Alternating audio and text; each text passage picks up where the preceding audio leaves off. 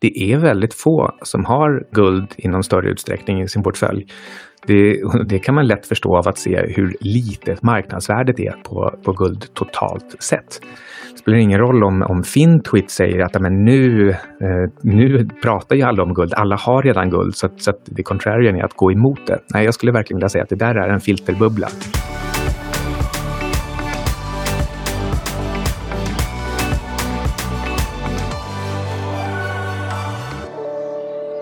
Hej Anna!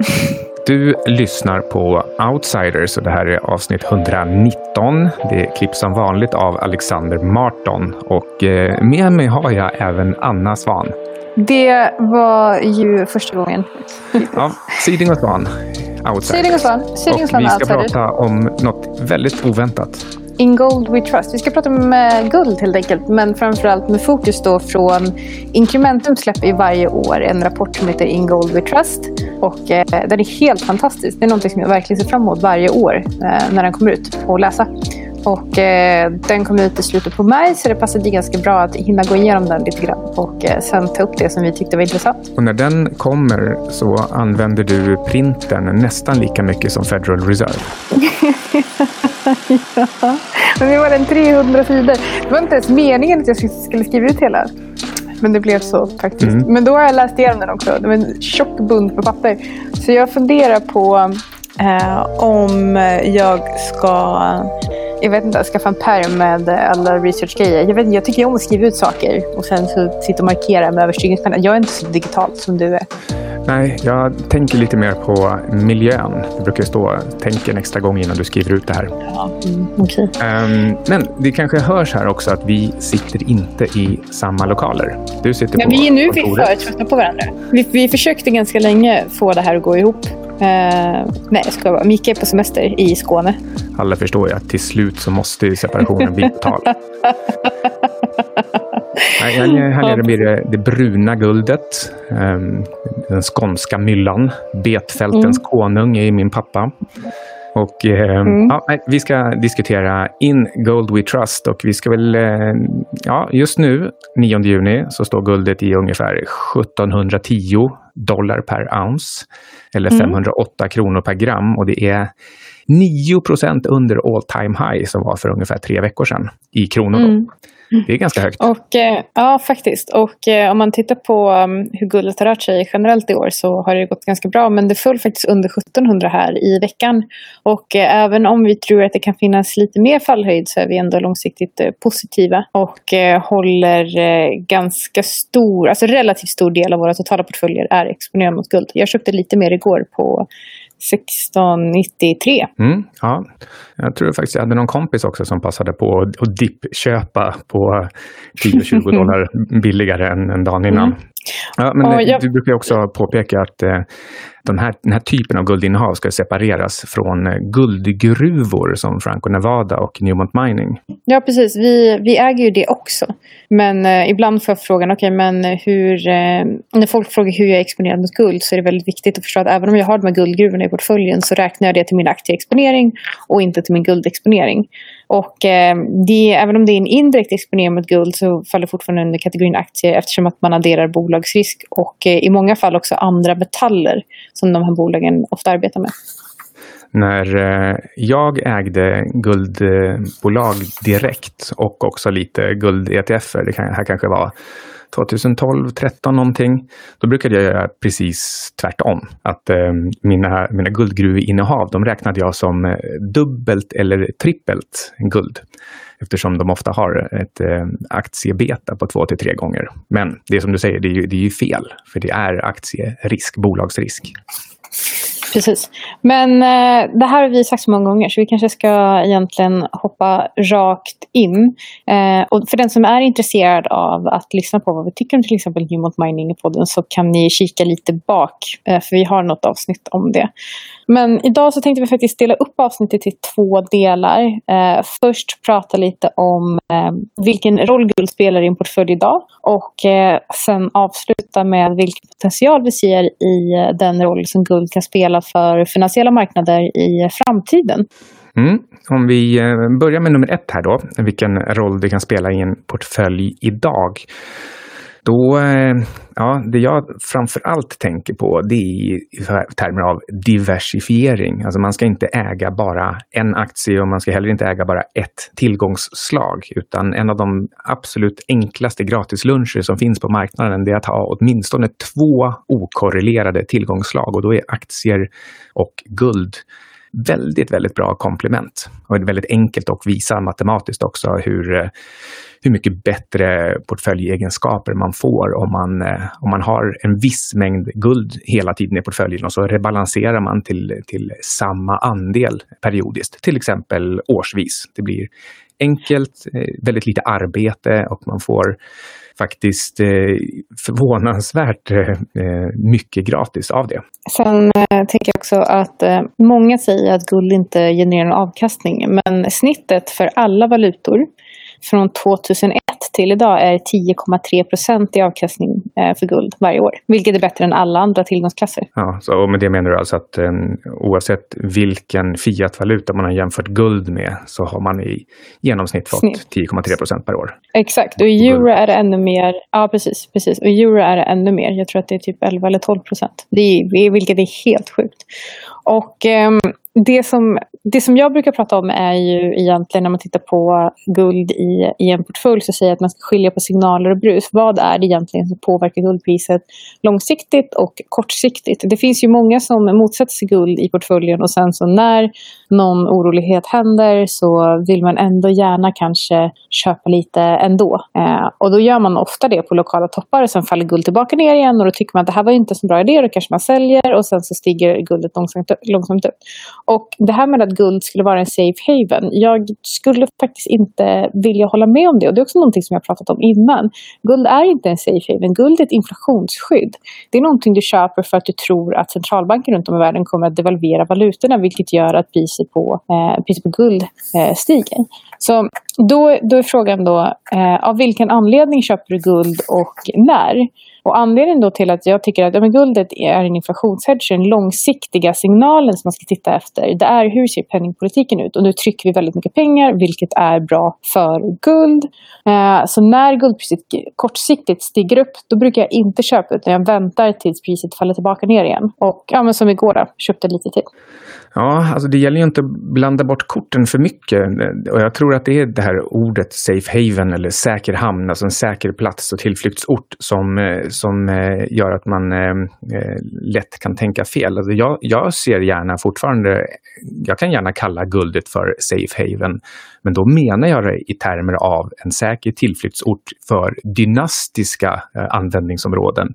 Det vill säga om jag gräver ner guldet nu och så kan mina barn eller barnbarn plocka upp det här om 50 eller 100 år. Och då är det oförstört, det är precis likadant, det kommer vara opåverkat av krig och politik och allt möjligt. Utan det, det finns bara precis lika mycket guld då som vid något annat tillfälle. Och, och, och då tenderar det till att, eh, att bevara sitt reella värde så man kan köpa ungefär motsvarande saker då som man kunde göra nu eh, med justering för om det är en eh, lokal topp eller botten på grund av kanske mer eller mindre oro, mer eller mindre efterfrågan på det här som vi brukar kalla för, att, eh, för guld som eh, försäkringsprodukt. Att när man verkligen, när det är oroligt så vill man köpa en sån försäkring och då får den en, ett, ett högre pris i förhållande till ekonomin än den får när folk inte är så sugna på, på försäkringar. Och eh, vi har ju pratat om det här med fourth turning också. Ehm, och i den mån som vi är på väg in eller är mitt i en turbulent eh, period så är det, det är nu som man kan eh, tänka sig att, att guldet ska gå mot en, en historiskt högre värdering, alltså högre upp i sitt intervall av, av realvärde snarare än, än nedre intervallet. Och eh, det gör ju då att man inte bara får en, en realförsäkring utan man kan ju få den här extra skjutsen av att vi ska upp i den högre delen. På tal om fourth turning så har jag haft eh, en diskussion om eh, fourth turning med, eh, eh, med min pojkvän och min vän. Eh, så, eh, och då bestämde jag mig för att lyssna på bara en jättekort eh, recension av boken. Bara tio minuter på Spotify. Jag kan se om jag kan hitta den för det var lite roligt. Eh, och då säger den här recensenten då att eh, han varje gång någon ens säger att de har läst fourth turning så blir han frustrerad. Han tycker det är en så dålig teori. Han tycker den är skrattretande. Och, sen, och så sa han till exempel don't even get me started on this generation theory. It's so stupid. Jag tyckte det var lite kul. Kommer att tänka på det nu. Men, uh, så det finns ju ja, en uh, hel diskussion man kan kring det. Men det är en annan grej. Men uh, jag tänkte på det du sa att, det finns, att man vet att det finns ungefär lika mycket guld nu som det fanns för några år sedan. Och då, det för ju mig kanske inte helt osökt in då på inflationstakten i guld. Och med inflationstakt då menar jag inte alls, då menar jag verkligen bara ökning av mängden guld och eh, ingenting annat. Inte, inte, priset på, inte att priset stiger. Men eh, den årliga inflationstakten är 1,5 till 1,6 procent i guld och det är jämfört med 7,8 procent i dollar sedan 1971 i snitt. Men då ska man ju också väldigt, väldigt Eh, medveten om att eh, de senaste åren och framförallt senaste året, senaste månaderna, så det, så det är mycket, mycket högre. Mm. Och eh, beroende på vad det är för eh, inflationstal vi pratar om här, alltså om jag pratar om KPI eller mängden dollar, så, ja, det är mängden dollar. Ja, okej. Okay, ja. Eh, och, och, den är Ehm, då som du säger 7,8 procent sedan 1971, men den har accelererat ordentligt. Jag tror att de senaste 20 åren så är den över 20 procent. Alltså det blir mer än 20 procent eh, mer M2 i dollar per år. Jag tror det är till och med 21,5 procent de senaste 20 åren. Och det är ju det här som du, du pratar om som är själva signalen, inte bruset. Att det är det man ska försäkra sig mot. Den här ökningen av skulder och ökningen av penningmängden M2. Och med tanke på att den då har ökat 20 procent per år och guld bara 10 procent per år så finns det väldigt mycket att mm. ta i fatt när guld väl börjar bli populärt. Och det är det här Precis. som är själva, man, man, säger att, som vi började med att säga då, att, att guld inte har någon avkastning. Men, men den har ändå den här implicita avkastningen i form av att eh, den, den ska upp till nollan eller upp till medianen, alltså upp till där penningmängden är, eller relativt då där penningmängden är. Och om den ökar med 20 procent per år, då bör också guldet över tid öka med 20 procent per år. Valutadevalvering används ju faktiskt som verktyg för att hjälpa ekonomin på fötter och då framförallt då under corona nu. Eh, så det kommer ju få extremt negativa konsekvenser för det finansiella system som vi idag har, alltså Fiat-systemet, men positiva effekter på guldpriset. För det är, ju mer devalverad valuta, desto högre guldpris, för desto mer av den här struntvalutan som man trycker av måste vi använda. Det är som, eh, det här, inget tillfälle i historien hade varit bättre än, äh, än nu att läsa um, How an economy grows and why it crashes, skulle jag säga. Ja, för där får man fokus på vad som är reellt kontra vad som är eh, påhittat eller uppblåst.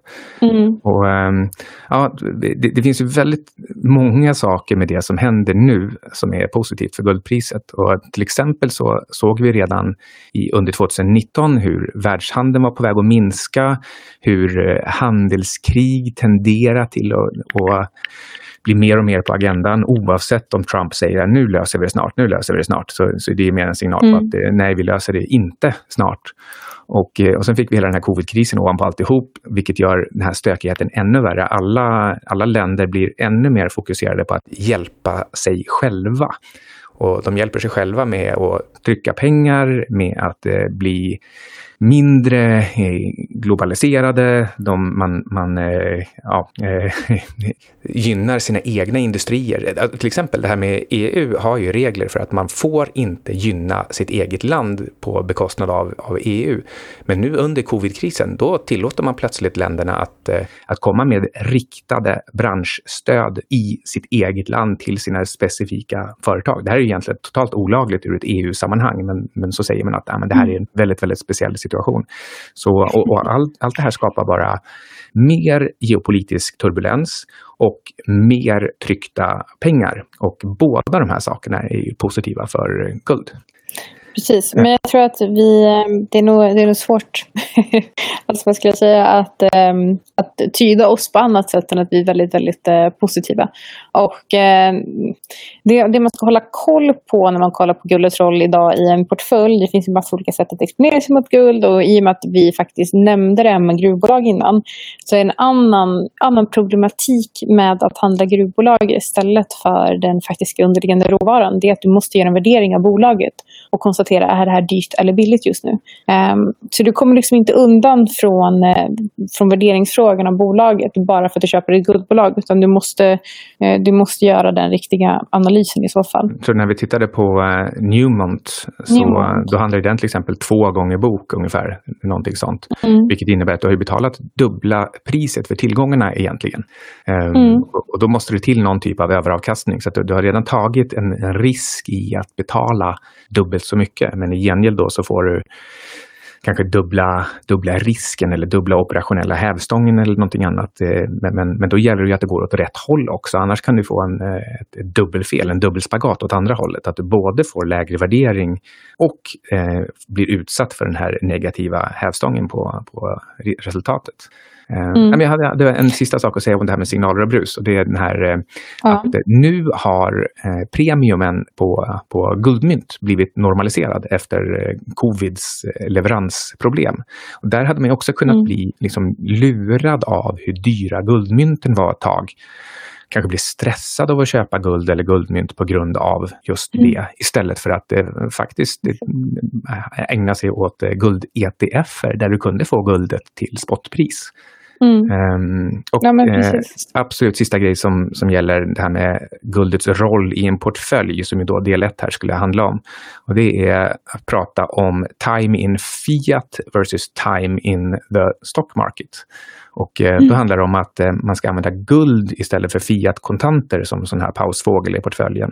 Och det är för att man över tid vill ackumulera så lite tid i fiat som möjligt. För så, så, så länge du är i fiat då är du utsatt för den här inflationen, alltså inflaterandet och nedvärderingen av, av, av eh, pengar. Devalveringen av pengarna, absolut. Men, men det, är ju, det där är verkligen en smaksak skulle jag säga. Så jag skulle väl inte säga att jag rekommenderar alla att använda guld som kassa. För det kan ju faktiskt vara så, för guld, guld är precis som fiat en, en tillgång som är eh, volatil. Men eh, guldet är ju volatilt gentemot fiatvalutan som är dina vanliga pengar. Jag vill inte kalla det för riktiga pengar.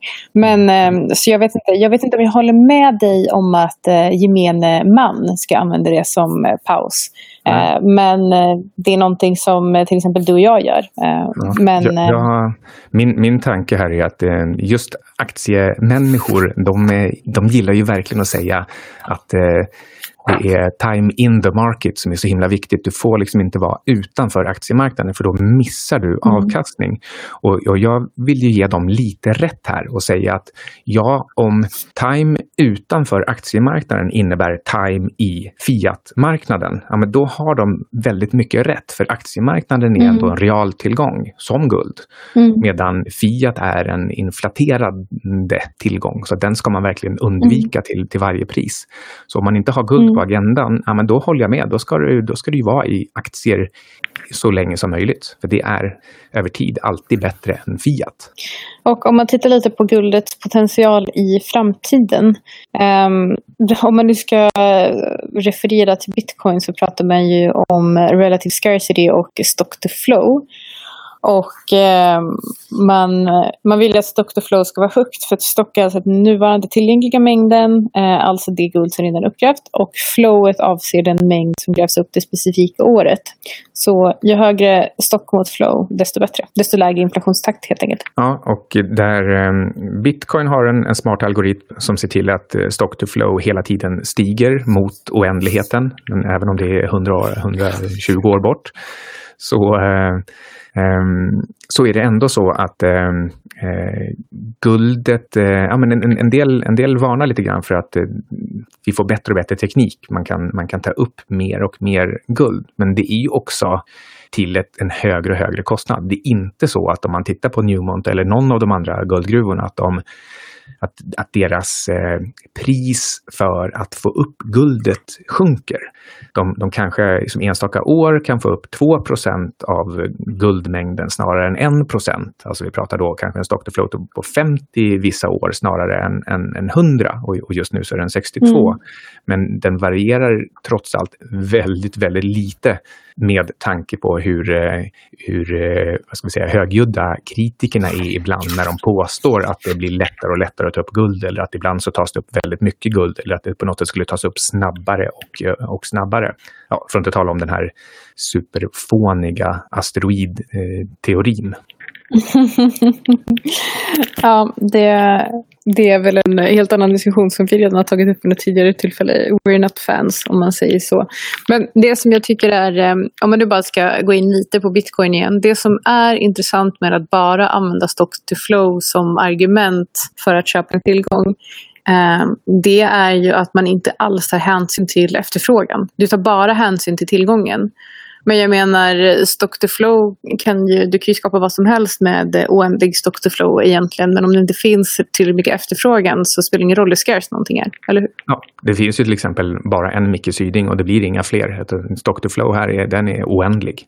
Det är många som är glada mm. över det i och för sig. Men, eh, men det gör mm. inte att jag blir mer värd egentligen. Nej, exakt. Eh, för, det, för det som är intressant egentligen tycker jag när man tittar på guldets eh, roll i framtiden är att nu, jag sa det här för ganska länge sedan, men nu, är det ganska, nu hör man det på fler och fler ställen, att guld skulle kunna ersätta bonds i framtiden. Och eh, de största motsättarna till det här pratar om att eh, guld skapar ingenting, alltså avkastning. Men det gör ju inte bonds heller idag. Och om man tittar på, idag handlas bonds för 14 trillion dollar till negativ yield. Och det här är liksom inte hållbart för Eh, hållbart för stora pensionsfonder och liknande att använda sig av som eh, en slags lågriskallokering längre. Eftersom att den, du vet att du tar en, en risk där du förlorar pengar. Um, så tror du att guld skulle kunna ersätta obligationernas roll hos till exempel pensionsfonder i framtiden? Definitivt. Alltså ett litet problem kanske är att det finns för lite guld. Du måste ha ett helt annat pris på guld för att det ska kunna börja ersätta på allvar. Alltså det finns ju bara 8-9 trillion totalt med, eh, med guld på dagens pris. Och om vi redan pratar liksom 14 trillion i, i dollar med negativ yielding bonds. Så jag menar, bara för att ersätta de som har negativ ränta så behövs det dubbelt så mycket guld, eller dubbla guldpriset. Men, eh, men eh, jag, jag, tror verkligen att vi... Eh, det här, det här kan liksom börja krypa in sakta via lite family offices och mindre fonder som inser att de kan i alla fall ha en, en, byta ut sina bonds mot, mot guld. För det är inte bara det här med att det är man tävlar mot en negativ yield i dollar, utan man tävlar ju också mot det här att det trycks 20% nya pengar per år. Um, så, att, mm. så att egentligen har man någon slags implicit avkastning på 20% per år. Och man kan också argumentera bakåt för att, och det har också realiserats i eh, form av 10% per år, liksom även de facto, trots att det inte ens är populärt. Så um, jag, jag, tror, um, jag tror absolut att vi kan vara på väg in i någon slags ny guldera där eh, man på grund av nollräntor och penningtryckande eh, ser, verkligen ser det här som en, eh, egentligen en, en oändlig löptidsobligation och med mycket, mycket säkrare och bättre ränta än eh, statsobligationer. Vad, vad tänker du? Mm. Um, jag tänker att under en uh, omställningsperiod så kan det mycket, mycket väl vara så att um, man omallokerar så att man har en liten del av eh, det kapitalet som skulle vara allokerat mot bonds. Att man testar att allokera lite av det till guld innan man går helt över. För precis som du säger så finns det inte tillräckligt mycket guld framförallt till dagens pris och då måste det pressa upp priset ordentligt. Jag tror inte att det här är en omställning som man gör från en dag till en annan. Utan det kan vara så att okej, okay, men vi av um, av eh, obligationsdelen i den här portföljen så allokerar vi 10 till guld och sen så blir det 20% och allt eftersom att eh, tillgången på, på, på eh, positivt avkastande bonds faktiskt blir mindre och mindre. För att jag vet att det är många som säger att vi kommer inte hamna där, men vi är redan där. Och desto mer kommer man allokera om till guld. Men som sagt, det kommer vara en eh, ganska lång omställningsperiod på några år. Och eh, jag tror att då kommer vi verkligen se en skjuts upp i guldpriset. Mm, jag kan eh, verkligen se två scenarier här framför mig. Det, och jag håller med om att det, det mest sannolika, om jag ska sätta lite siffror på det, det kanske helt enkelt är att Guld går upp med eh, 15 procent per år hela 20-talet i, i dollar räknat. Och egentligen tror jag att det ska gå upp snabbare än så. För det, för det innebär ju bara att priset skulle gå upp eh, fyra gånger under 20-talet i, i dollar. Mm. Jag tror att det ska gå upp eh, åtminstone dubbelt så mycket som det.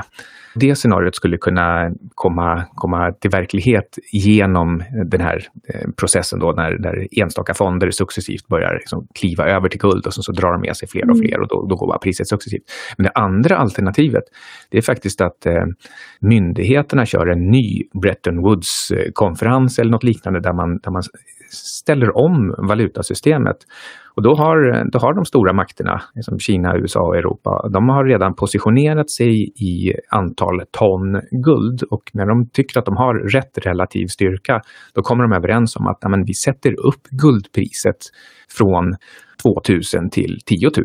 Eh, för då har vi tillräckligt, eh, då har vi tillräckligt bra eh, grundskydd för våra valutor. Vi har ett bra ankare för vad, vad valutorna ska vara värda och, och, då kan vi ha en, eh, då kan man återgå till den här principen där, där någon kan komma med en dollar och begära ut sina gram guld i, eh, i, i utbyte.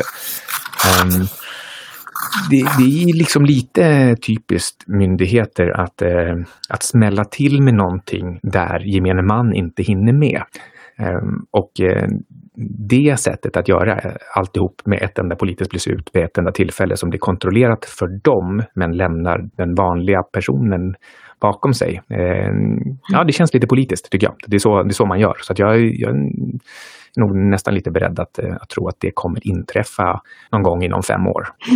Sen, eh, jag tänker lite avslutande, avslutande operaavsnittet att eh, även om vi pratar mycket om guld så är det inte lösningen på alla problem. Men eh, vi tycker att vi ser en ganska perfekt storm för guld och silverpriset framöver. Mm, det finns väldigt mycket som talar för det och inte minst, och det här är också lite speciellt, ehm, det, det är inte populärt med guld. Det är väldigt få som har guld i någon större utsträckning i sin portfölj. Det, det, kan man lätt förstå av att se hur litet marknadsvärdet är på, på guld totalt sett. Eh, så det, så det blir bara eh, typ 2 i snitt i portföljerna som, eh, som finns i, i guld.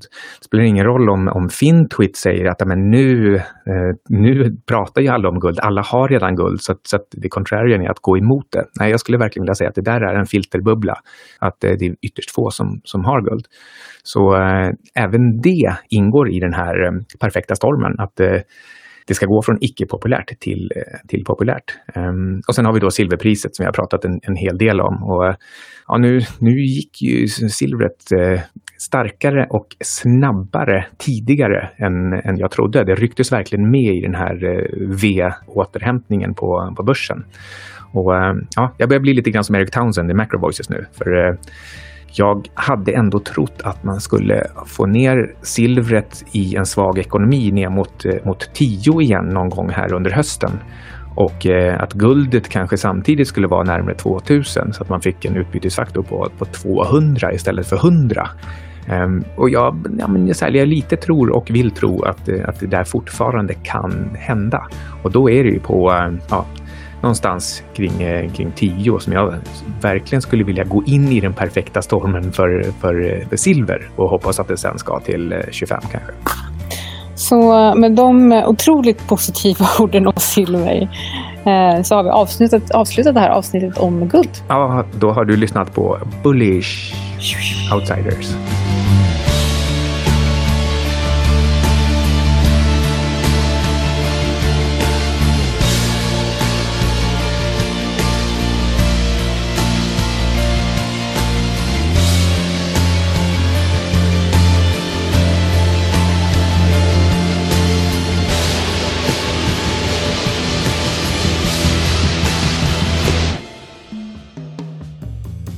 Ingenting som du har hört i uh, Outsiders har varit någon typ av uh, rekommendation. Så hur du än gör, försök inte få det till en rekommendation heller. Utan alla placeringar är förknippade med risk som gör att du kan förlora hela eller delar av ditt kapital. Vi äger emellanåt uh, vissa av tillgångarna som vi diskuterar i den här podcasten och våra sponsorer tar inget som helst ansvar för hur du handlar i de tillgångarna. Podcasten är menad för information och underhållning även om vi förstås själva gör så gott vi kan när vi tittar på de olika tillgångarna. Hej då!